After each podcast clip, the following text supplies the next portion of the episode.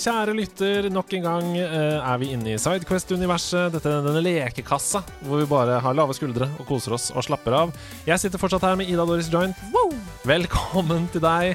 Og i dag så skal vi rett og slett eh, kjøre et dypdykk. Og det er jo noen av våre favorittting å lage. For eh, nerdelandslaget Formatet eh, er ikke så godt sydd for å liksom eh, snakke en halvtime, en time, om ett spill. Eh, Der, da må du, du høre på Rad Crew. det er det man må! Det man må. Eller dypdykk da i Sidequest, som, som dette er.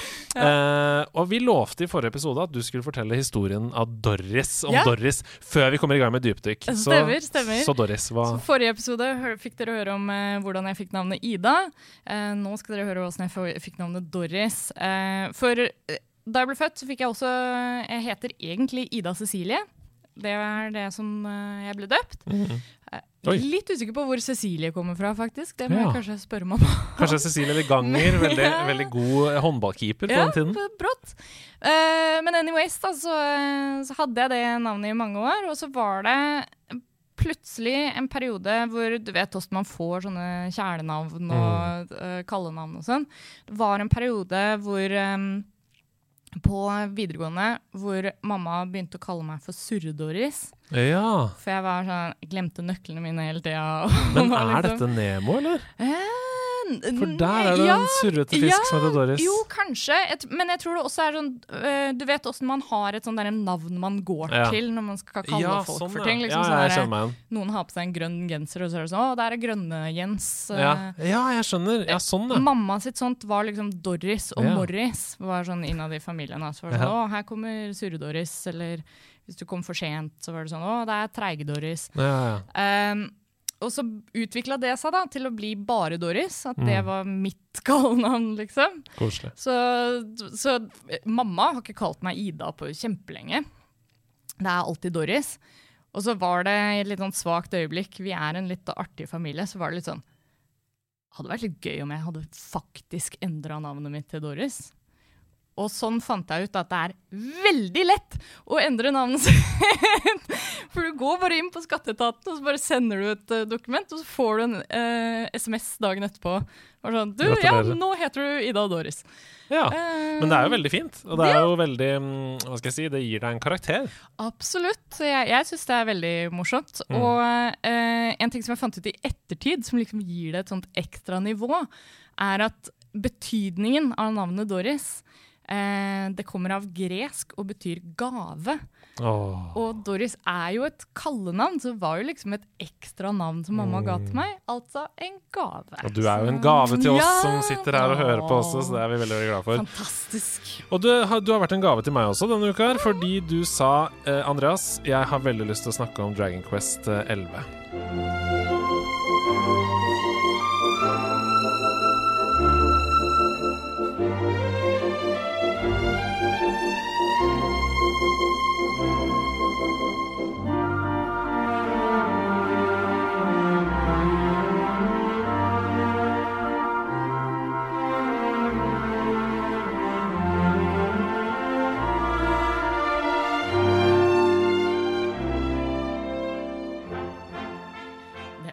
alltid lyst til å snakke om Dragon Quest 11, så dette var en gyllen mulighet. Og det som er, er at jeg har spilt eh, demoen av Dragon Quest 11, og den er lang. Altså, den Yes. varer og rekker, så det er ikke noe sånn at det eh, Jeg føler at man får eh, hvert fall et OK inntrykk av eh, spillet. Mm. Jeg er ikke sånn superbevandret i JRPG, annet enn eh, Pokémon og um, Nino Kuni, Mm. som jeg elsker.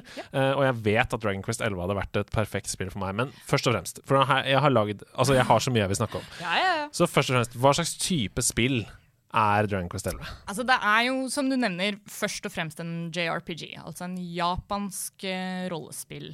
Eh, type Pokémon, Final Fantasy turn-based combat og liksom alle de tingene som man forventer av en, en japansk RPG. Eh, Tungt, tekstbasert til tider. Langt, ikke minst. Eh, altså, vi, vi kan komme tilbake til det, men eh, måten jeg ofte selger inn Dragon Quest 11 til folk, er at det er et spill som egentlig er tre spill. Mm. Spillet inneholder sin egen oppfølger og sin egen DLC. Wow. Eh, og da er det veldig lett å forsvare de der Vanligvis når du har en JRPG som er sånn her Du må bare spille de første 20 timene, så blir det skikkelig bra.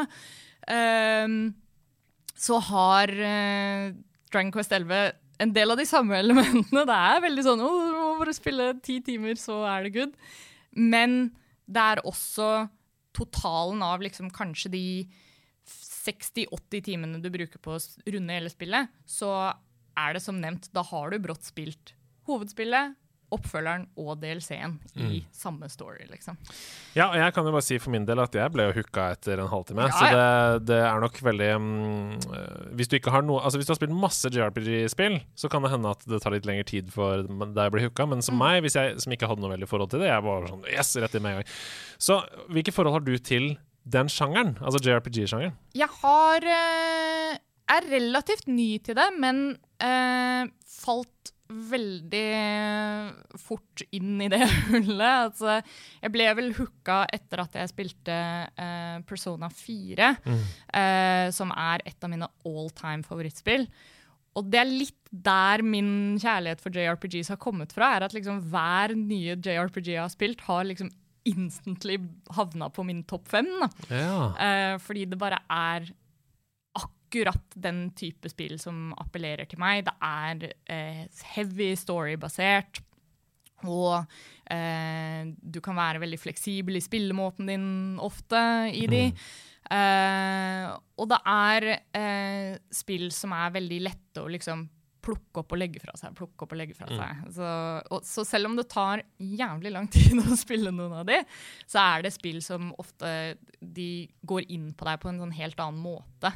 Eh, og Dragon Quest 11 er kanskje det beste eksempelet på det. Eh, det er en så fantastisk liksom, varm og god verden. Og eh, jeg vil si det også er en kjempegod introduksjon til JRPGs for de fleste.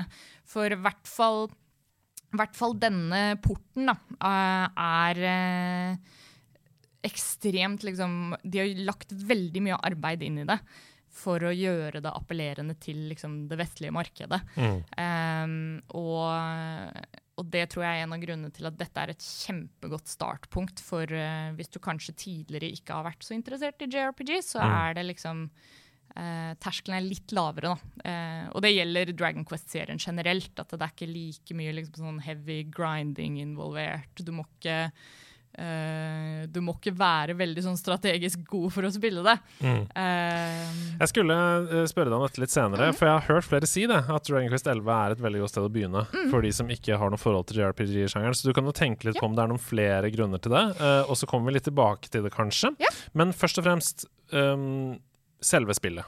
Hva er det man gjør i Dragon Quest 11? Altså, hva, selve settingen. Hvor befinner vi oss? Hva er storyen her? Så det er også et godt punkt, er at uh, når man hører at det er elleve i serien, så kan man kanskje en del sånne completionists og sånt kan kanskje bli litt sånn Å nei, må jeg spille ti andre spill før jeg kan spille det her? uh, der kan vi betrygge med en gang med at dette her er det perfekte startpunktet hvis du ikke har noe forhold til Dragon Quest-serien fra før av. Eh, kronologisk så foregår spillet sånn egentlig først i Dragon Quest-serien. Eh, litt komplisert, men det må du bare spille spillet for å finne ut av hva, hva som skjer der. Um, og det er eh, en ganske klassisk sånn herre fantasy-eventyrfortelling du skal gjennom. Eh, du, er, du spiller som en, eh, en eh, fyr som starter livet ditt i liksom, den lille landsbyen du bor i. Mhm. Aner fred og ingen fare og tenker at uh, alt er good. Og så plutselig så blir du slengt inn i en verden hvor du skal ja, redde verden fra the great uh, evil darkness, uh, rett og slett. og i god JRPG-stil, du spiller deg gjennom masse forskjellige steder i en verden som du utforsker. Få med deg noen venner på, på laget underveis, som skal da hjelpe deg å uh, ultimately uh, defeat the lord of evil, basically. Da. Ja, selvfølgelig. Veldig sånn klassisk enkel historie, og, og det er jo det som er hovedelementet i en del JRPGs er at uh, hvis du skal oppsummere selve handlingen, så er det liksom sånn Oi, hvordan strekker du dette ut i 80 timer? Liksom? Mm. Dere skal bare OK, få tak i noe våpen og slå en bad guy. Um, men det er alle liksom sidequestene, alle små storybeats innimellom, hvordan du kommer deg fra det stedet til det stedet, og hva som skjer innimellom, er, eh, det er så utrolig godt gjort akkurat i eh, Dragon Quest-serien generelt, men spesifikt her så gjøres det på en måte som bare er eh, Det kjennes oppriktig ut som at du liksom spiller et eventyr som du blir lest til på sengekanten, liksom. Mm. Den der følelsen du hadde når du var liten og, og lå fikk opplest et nattaeventyr. Mio min Mio, liksom? Ja, ja. Det er akkurat den følelsen. Mm. Og det er en sånn varm og fin nostalgi. Uh, og spillet er stykka opp på en veldig fi fin måte der også, hvor du kan spille det på den måten. At mm. du liksom Å, nå, jeg skal legge meg snart. Må bare få med meg nattafortellingen min ved å spille et uh, kapittel til i Dragon Quest 11. Og så kan du gå og legge deg. Ja, det er helt perfekt. Um, hvis vi snakker litt om gameplay, mm. hva er det som skiller Dragon Quest 11 fra andre spill i Dragon Quest-serien? Bare sånn gameplay-messig, og kanskje også i sjangeren, da, hvis vi ja. snakker om opp mot andre JRPG-spill. Hvordan er det du spiller dette, liksom? Så det som uh, var så stort med Dragon Quest 11, da, er jo at uh, for det første så er det det første mainline Dragon Quest-spillet på ganske lenge. Mm. Uh, for tidligere, altså Dragon Quest 10 tas egentlig ikke med i tellinga der, fordi det var en MMO. Uh, eh, og Dragon Quest 9 kom vel ut i 2016, tror jeg. Um, kanskje tidligere. Uh, på DS. Um, og, så dette er første, første Dragon Quest mainline-spillet på lenge. Og det at det ble released på PlayStation 4, åpna jo masse muligheter for mm. et litt sånn større gameplay-verden. Uh, men det er uh, i korte trekk liksom en open world som du utforsker, og det er den der gode kombinasjonen av en klassisk RPG hvor du går rundt, du kan handle ting, du kan oppdage nye quester og sånt. Og hovedelementet av gameplay er jo denne klassiske turn-based RPG-combaten. Eh, mm. Men du kan, hvis du vil, så kan du uh, gå fritt rundt mens ja. du, ja, du Litt som Nino Kuni, faktisk. Det er, det er mye kule I hvert fall i det som nå absolutt er den beste utgaven å kjøpe, er jo denne Definitive Edition, som mm. kom ut i 2019. Dragonquest 11 S. Ja. ja. Eh, der har de lagt til en del sånne quality of life-ting. Men det er sånne søte små elementer som, som du nevner, at det, når du er i battle, da, du kan se for deg en sånn klassisk Pokémon-kamp, at du havner og du har noen menyer og sånn. Men du kan også bevege karakteren din rundt og løpe rundt. Og det har egentlig ikke noen funksjon, men det er bare sånn ekstra gøy. Du, kan, du, du kan, snakke med teammemberne dine, og de kommer med noen kule kommentarer. Og, mm. um, men uh, det som også er uh, Dragon Quest-serien er ganske kjent for, da, er å ha denne eh, tactics-option. Eh, ja. At eh, den har en veldig god meny hvor du kan liksom orkestrere at karakterene skal liksom styre sine egne moves. Okay. Du har et party da, som du bygger opp. Eh, og du kan velge å styre dem sjøl. At liksom, nå skal du bruke det attacket, og nå skal mm. du bruke det, og nå skal du heale. Eller så kan du også gå inn i menyen og gi de sånne forskjellige kommandoer. da, Som ja. er sånn OK, du skal bare gi healing moves. Du skal gjøre du skal bare gå all out, uh, liksom. Og man kan vel også lagre sånne sett, på en måte? Ja. Som er sånn Nå er jeg en sånn type fight, så da går vi for det settet. Absolutt. Og det syns jeg virker helt konge. Og det som er veldig bra, er at uh, det tok meg litt tid å forstå at det tactics-systemet, det er der for å brukes. Mm. Og det funker veldig bra. Uh, jeg spilte nylig en playthrough hvor jeg faktisk Alle fightsene, bortsett fra den aller siste bossfighten, eh, gjennomførte jeg bare på Tactics. Ja. Uh, så Jeg kan jo se for meg egentlig at det er mye deiligere, det fordi er veldig digg. det blir da, veldig mye trykking. Ja. ikke veldig. Så du kan bare OK, nå orkestrerer jeg hvor, hvordan teamet mitt skal oppføre seg, og så bare legger du fra deg kontrollen og bare ser hva som skjer. mm. Uh, og det er veldig, veldig kult. Um, Men og, battles er vel generelt litt raskere også i dette spillet? Ja. Uh, I den definitive edition så er det Det som er hovedendringene i det, er generelt bare sånne uh, gameplay-kvaliteter. At det, uh, det er raskere battles, animasjonene går fortere.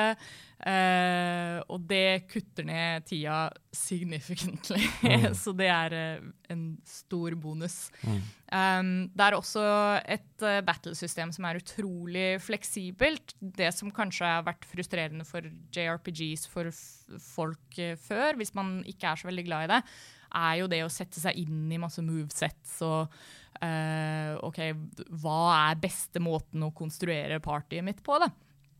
Og Dragon Quest er veldig balansert der. Uh, at det er liksom ikke noen riktig måte å slå de forskjellige bossene og sånt på. Uh, og det er veldig tilgivelig til tider at uh, hvis du prøver deg på en bossfight da, og, og du ikke klarer det, så er det ikke sånn at du må grinde deg opp eh, ti leveler til for å klare det. Som Mm. regel så holder det med bare sånn én eller to, Ja, og så er prøver du deg på nytt igjen, er og så er det kjempe-easy, liksom. Ja, for det, det leste jeg også, at uh, vi, vi kommer litt tilbake til det senere, men at uh, man trenger på en måte ikke grinde så veldig mye Mm. Uh, gjennom spillet. Du blir leda Altså, du, du scaler godt da, underveis. Det er et, som nevnt, det er et veldig bra jumping on point for Mm. folk som, som kanskje tidligere ikke har så gode erfaringer med JRPGs, for det er veldig tilgivelig, og det er eh, tilbake til den der følelsen av at det er som et koselig eventyr, liksom. Du blir ikke frustrert av å spille det, og, Mm.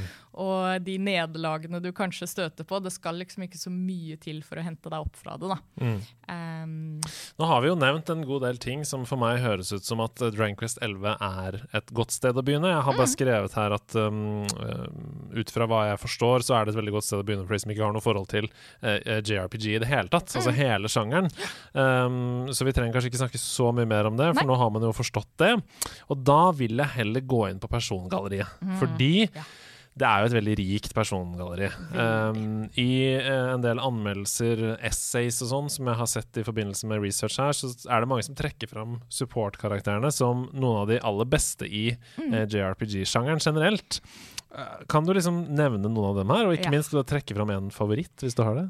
Om jeg kan! Det er, Jeg mistenker at jeg vet den her. det er jo det beste med hele Dragon Quest 11. Ja. Eh, du samler et persongalleri til slutt som er eh, så diverse og kult. Du har liksom Alle arketypene er der, da. Du har liksom eh, The Legendary Hero, som du spiller. Heter vel også Hero? Uh, ja, altså det er sånn klassisk JRPG at du har ikke noe navn. eh, Mm. Det er jo navnet som du gir uh, spilleren i starten. Ja. Som på min første playthrough så skrev jeg jo bare Doris, for det var save-fila mi. Så veldig weird i alle dialog-options hvor det var sånn her Oh, it's you, Doris! Og så har du denne heroen som ikke ser ut som en Doris i det hele tatt. Men grunnen til at jeg sier det, er fordi jeg, jeg, Mulig jeg tar feil her nå, men i Smash så blir vel vedkommende introdusert som hero Ja. på, på, på den engelske. Og så, og så var det et essay så hvor det var sånn He has a name in Japanese. Og, Ja. så, og så så man det navnet, som jeg ikke husker hva er. Um, det er nok kanskje Erdrick, uh, Ja. eller uh, Det er en uh, litt sånn gjennomgående navn i Dragon Quest-serien. Mm. Så har du liksom The Legendary Hero da, i den verden. Får som regel the title of Erdrick. Er liksom, For jeg så noen gikk inn på etymologien på japansk til det japanske navnet, Ja. og det betyr hero ja, på ja. amerikansk. Det, er en, det er en standard sånn JRPG-trope. Ja. Men, men du har i hvert fall dette galleriet av disse arketypene. Da. Så du har The Hero, og så har du liksom kompisen til heroen. Litt sånn cool, uh, wisecracking-type. Uh, som heter Eric. Og han er en, han er sånn derre Thieves Guild-type. Uh, og så har du selvfølgelig noen mages. Du har eh, Serena og eh, Veronica, som er to søstre som er uh, eh, ja, mages som eh, skal supporte deg. Og så har du Rob, som er eh, en gammel eh, traver. det må ha de JRPG-ene blant òg.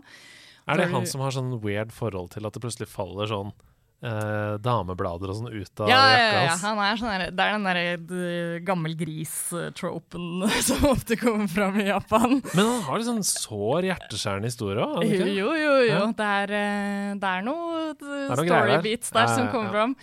Uh, og så har du Jade, som er en sånn Selvfølgelig, du må ha en litt sånn sexy karakter som uh, skal være alles eh, waifu.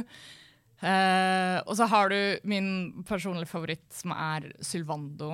Uh, som er det jeg. Ja. uh, og det, jeg kan snakke lenge om Sylvando, men en av tingene som er veldig kult å trekke fram med han som karakter, er at statsmessig for JRPGs er jo veldig glad i stats. Det er så mye stats og det er så mye data. og Statsmessig så er Sylvando den sterkeste karakteren i partyet. Eh, han har ganske kraftig liksom, attack power og sånne ting. Men movesettet hans er nesten eksklusivt support. Eh, eller det er i hvert fall veldig sånn lagt opp til at du skal bruke han som en support. Um, og der tenker man jo kanskje at det er en rar disconnect. At det er sånn, oh, men Hvis han har så mye attack power, da, ikke, da gidder du ikke å waste det på å drive og være en healer. Men det er fordi det passer sånn til karakteren hans. For han er en sånn gjøglertype som uh, Hans mål i verden da, er å make people smile. Det er liksom det han, eh, han liker å gjøre. Og han det er bare sånn Jeg skal bare få ting til å være bra, og få folk til å være glad. Uh, og det er jo akkurat det en support vil gjøre òg. Og at han er eh, såpass liksom sterk i sin sak. Da. Eh, det speiler så godt i ikke bare storyen, men da også i liksom, statsene og movesets og sånn. Eh, og han er sånn I late game så er han helt sånn ridiculously overpowered. Så fantastisk kul karakter. Og ikke minst, hvis man skal gå litt sånn sosialt inn på det, da, så er jo JRPGs har jo kanskje en litt shady historie med eh, karakterer som er skeivt koda. Eh, altså litt sånne shady, homofile stereotyper og sånt. Og Sylvando faller litt inn i denne kategorien. er en del sånne stereotypiske trekk ved han.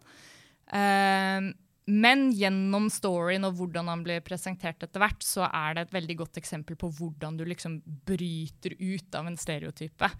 Eh, og, og hvordan du kan fortsatt spille på de beatsene av at liksom, ja, han snakker veldig sånn feminint og, og har, eh, er veldig flamboyant, da. Mm. Men han har også en sånn kjerne som, eh, som gjør at det blir aldri spilt på som en vits. Mm. Eh, som er det JRPGs har et litt shady rykte for fra før av. Mm, mm. Eh, så det er en utrolig forfriskende ting å se.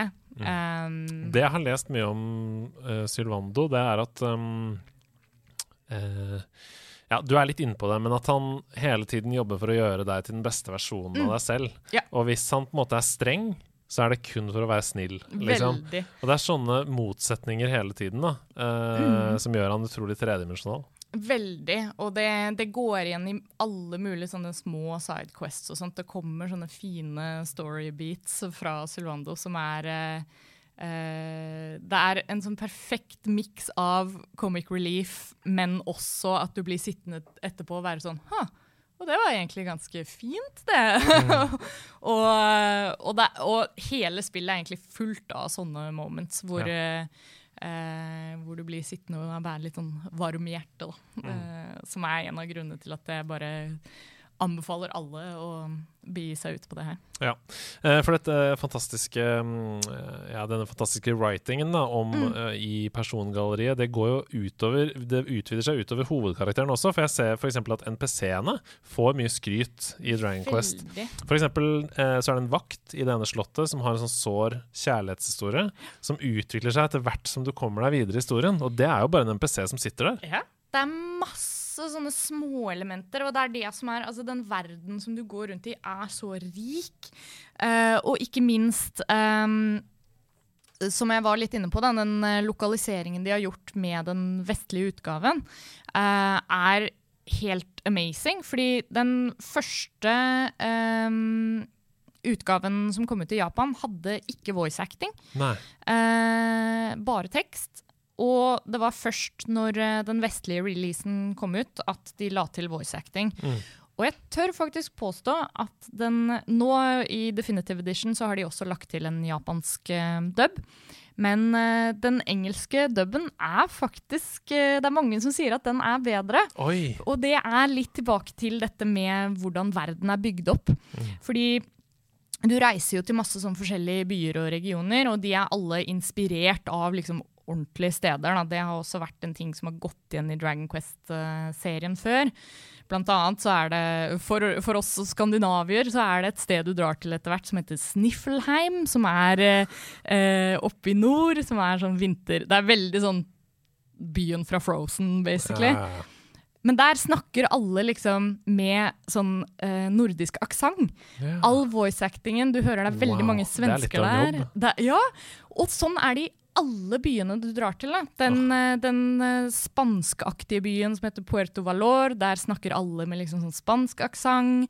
Og det er oh, sånne nå må jeg bremse deg, for dette er helt fantastisk. Ja. Fordi Det neste spørsmålet mitt be, Ja. altså Det er helt utrolig at du kommer inn på dette nå, men eh, det neste spørsmålet ditt der, I research til episoden her så fant jeg et sitat, nemlig, hos Screen Rant. Mm. Ja. Og de skriver There are a lot of things that Dragon Quest 11 does well.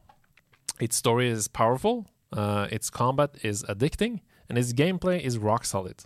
While Dragon Quest XI stands with the best of the genre in these areas, uh, it doesn't break new ground in any of them. But there is one aspect where it sets a new standard for the RPG genre. The level of detail and immersion found in its towns and cities is simply unmatched.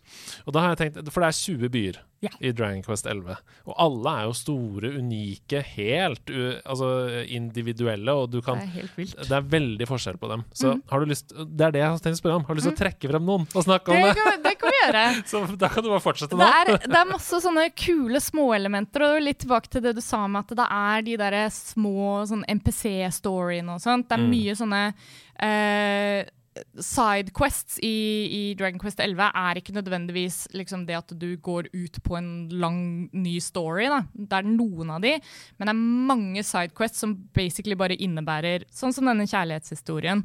Du snakker med en NPC i en by som er sånn oh, ah, jeg, jeg savner kona mi som er i en annen by. Å, skal du dit? Kan du ta med dette brevet til henne? Kjempemange sånne sidequests, og da drar du innom alle disse fantastiske byene. Da. Um, en som jeg kan trekke fram som har et veldig sånn element, det er en by som heter Hotto, som er um, ligger ved basen av en vulkan og er litt sånn. Eh, alt er sånne kinesiske pagodahus og sånn. Alle i den byen snakker i haiku. Eh, så all dialogen er, er haikus. Som det er så gjennomført. Og det er til og med en liten sånn sidequest hvor du møter noen barn i den byen. Og da er det hun helt yngste, hun snakker ikke i haiku. Og så er det storebroren hennes som er sånn Du merker at når han går litt, blir litt for barnslig, så glemmer han at han skal snakke i haiku, og så blir han sånn Oi, jeg mener Og så snakker han i en haiku istedenfor. Samme er det litt Ikke spoilers, men du kommer til en sånn uh, under, undervannsby også mm -hmm. uh, som heter Nautica. Eh, og der er det mermaids, og de har også en sånn karaktertrekk. De snakker bare på rim. Mm. Så alle du snakker med, uansett hva du gjør, til og med når du bare skal gå til shoppen og de har den der generiske sånn Hei, hva vil du kjøpe? det er også på rim. Mm. Eh, og du har også en del sånne litt artige byer. Da. Det er en som heter Oktagonia, som er en eh, MMA-by. eh, som ikke står for mixed martial arts, det står for masked martial arts. Oi, Alle er sånne oi, oi. masked fighters. Men det er basically det det er. Da. Det er en by hvor det bare er sånn Hei, vi har en fighting tournament, og det er kult. For de som ikke vet det, så uh, i MMA så kalles jo Ja. den eh, arenaen man fighter i, for the octagon, fordi Ja. den er formet som et Sånn oktagon. Så det er Oktagonia. Ja, det er fantastisk. Men alle byene har liksom sin greie. da. Signatur, og, liksom. og det, er, eh, det er så utrolig gøy. Og, og igjen, som jeg nevnte, dette med voice-actinga som da speiles i det. At når du drar til, ja, du drar til uh, Gondolia, for eksempel, som basically er Venezia, alle snakker italiensk. Og det er mye sånne småting der også, sånne Mm. ord som kastes inn. og eh, Særlig når man er i den nordiske byen, er det veldig gøy å spille det når det er norskt. Det er, eh, Mm, det er masse sånne, noen av de som sier sånn 'uff, da'. Og Ja, sånne ting. Det er veldig perfekt. moro. Vi snakka litt om det innledningsvis, men det er mange som trekker fram pacingen i spillet Mm. som veldig god. Eh, selv om det er et stort spill, så føles det aldri overveldende. Eh, men det føles heller ikke for lineært og snevert. Eh, tenkte du på det da du spilte det? At, spillet på en måte trekker deg fram på en god måte? Og at da grinding, som vi var inne på, det er et valg og Ja. ikke en nødvendighet? Det er veldig Spillet er veldig flink til å liksom styre deg i riktig retning uten at det føles uh, forced. Mm. Um, det er eh, eh, Det er til og med et par sånne elementer her og der hvor du kan snakke med NPCs, og de de er litt sånn Oi, før du drar til den byen, kanskje du burde gå innom her. For der er det Eller kanskje du må fighte noen flere monstre, og du får liksom Uh, Alt av advancement er veldig sånn fint lagt inn i storyen. Du får aldri de derre eh, immersion breaking greiene sånn Oi, trykk på A for å komme videre. Eller sånn Oi, hvis du sitter fast, eh, prøv å snakke med noen innbyggere. Det er veldig lite sånne type prompts. Da. Mm. Alt det får du gjennom å interagere med verden. Eh, og som jeg nevnte også, så er storyen delt opp veldig fint, som, Mm. gjør, som da går utover pacingen også. At du sitter ikke der i time 30 og er sånn Når skal vi liksom komme til konklusjonen her? Uh, og det er masse sånne kule moments underveis som, som da gjør at eh, når du kanskje tror du begynner å nærme deg og bli litt lei, så skjer det et eller annet som er sånn What? Dragon Quest 11 for eksempel, inno, ikke for å upselle det sånn altfor mye her, men jeg tror Dragon Quest 11 har den villeste plot-twisten jeg har opplevd i hele mitt liv. Uh, det, er det er et moment der som er sånn Det er få moments eh, i gaming som har fått meg til å oppriktig være sånn Hæ?! Men det skjer her. Ah, Så det. Veldig kult. Jeg så en kommentar på Reddit om spillet som, var, som er som følger. Uh, I feel like Dragon Quest 11 is more of a chill-out game instead of something like Final Fantasy. I think Dragon Quest is usually better enjoyed in brief installments, where you just relax, do some battles, maybe a dungeon, and chill out. Uh, mm -hmm. kjenner du deg igjen i det? Veldig. Uh, min uh, favoritt-anmelder-spillpersonlighet of all time, Tim Rogers, er jo superfan av eh, Dragon Quest-serien, og han har fantastisk, eh, en fantastisk anmeldelse ute på Kotaku, som jeg anbefaler alle å se. Eh, og der nevner han et spesifikt ord. Det er sånn, Hvis han skal oppsummere Dragon Quest 11 i ett ord, så er det hangoutitude.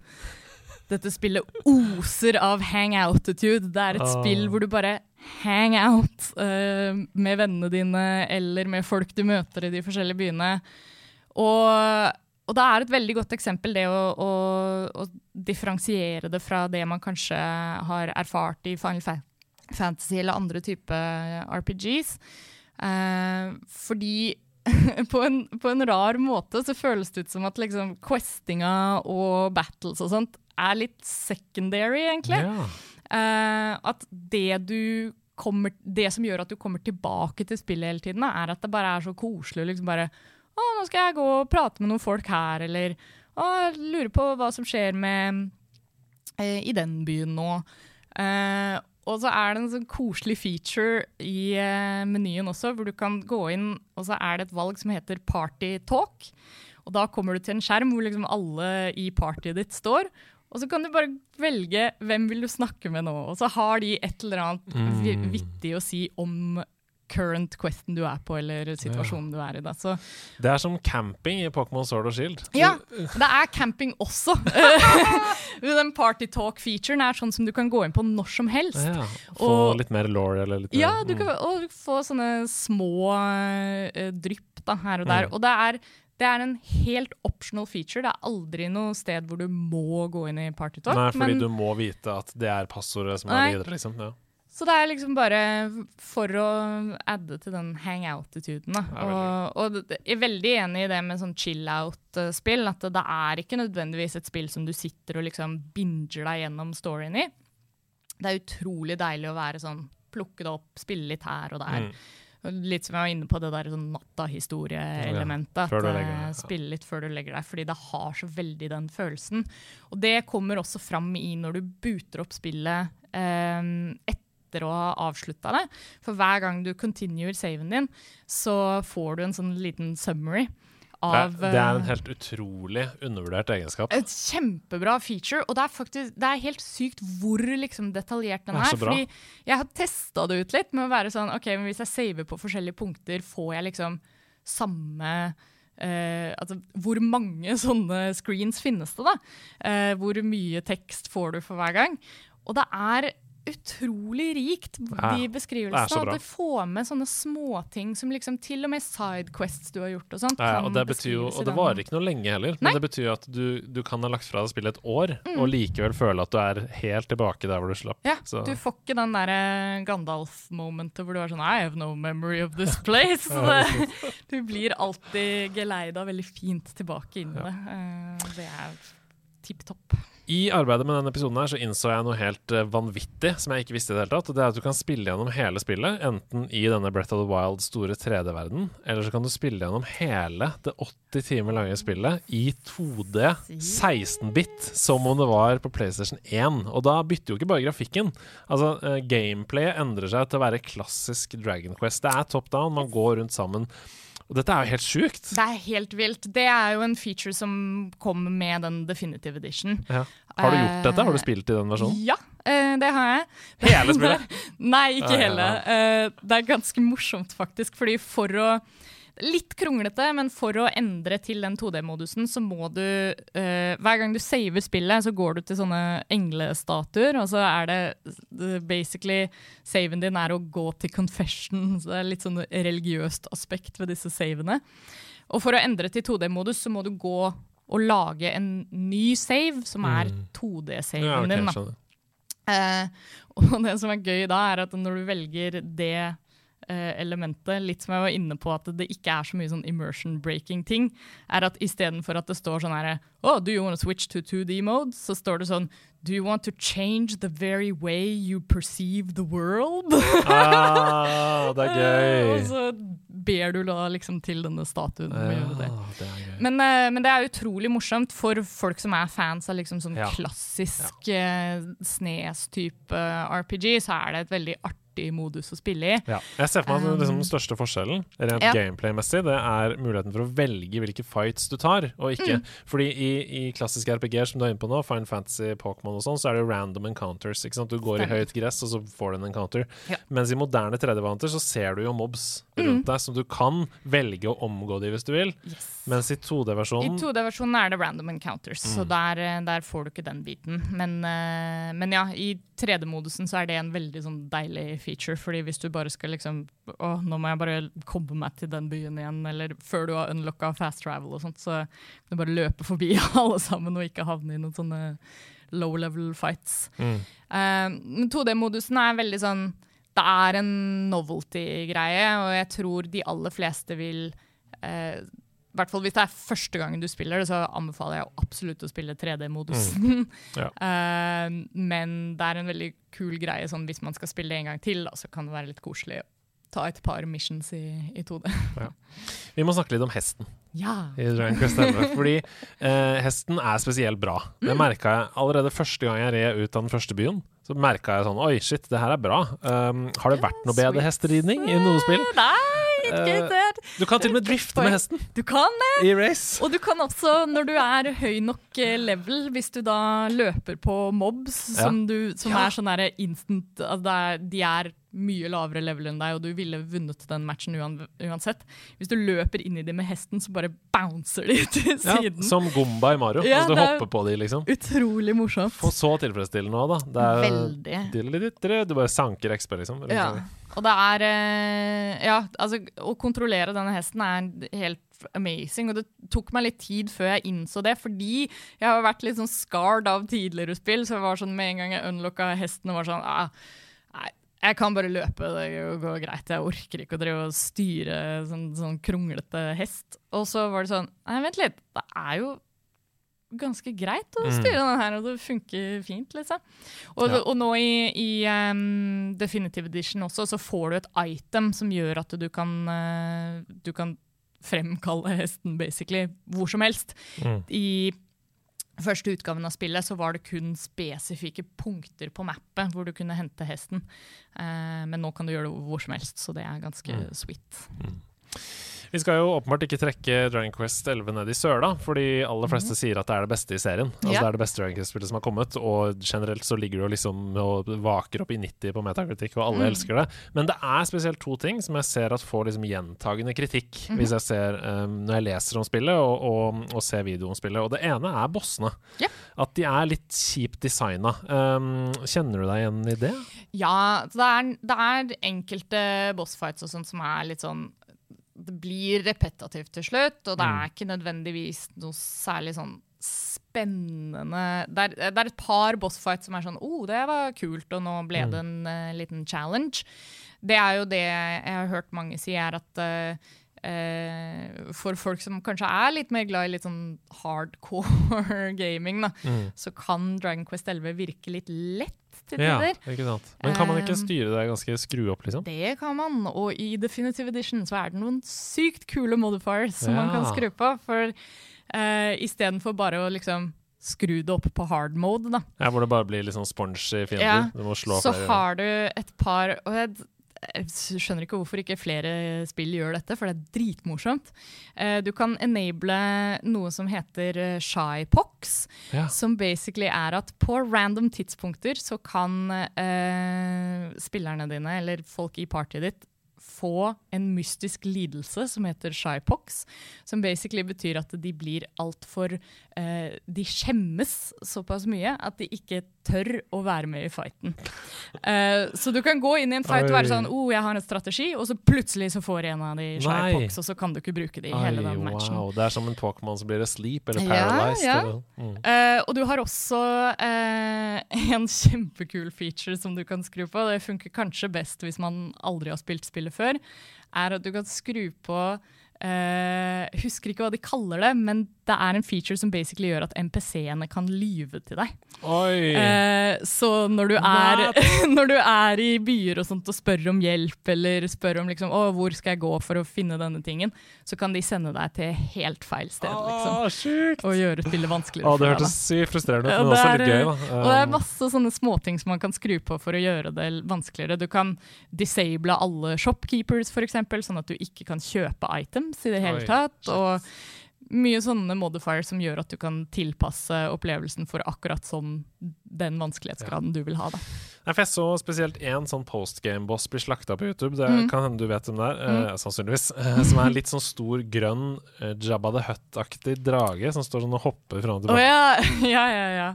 Uh, har en sånn hula hoop ja. på seg. Ja. Uh, ja, det er noen av de liksom sånn eh, in between-bossene som eh, kan være litt frustrerende. Mm. Eh, men der koker det også litt ned til det derre at ofte så er det snakk om at du kanskje bare må levele én eller to leveler til, og så er det easy. Det andre som har fått litt kritikk, det er faktisk musikken, altså. Eh, at det er noen veldig veldig fine tracks i dette, men at de overskygges litt av en lang rekke liksom forglemmelige tunes som repeteres ofte. Men der har jeg skjønt at du kan laste ned en delelse og skifte hele musikken Mm. til Drankrest 8, ja, som mange mener er liksom det beste som er Det er mange som har, uh, har gjort det. Det er jo igjen også en god oppgradering i Definitive Edition, fordi eh, musikken i den første utgaven også var eh, bare midi.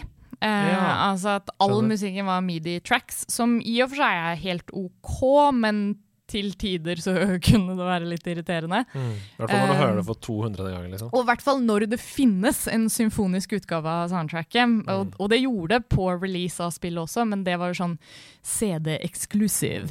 Um, men i Definitive Edition så kan du skru på det symfoniske soundtracket, og det høres mye bedre ut. Men jeg er for så vidt enig i at det kan være veldig repetitivt til tider. Det er et uh, overworld-theme, for eksempel. Altså, hver gang du er ute i liksom, den åpne marka, så er det samme sang hver gang.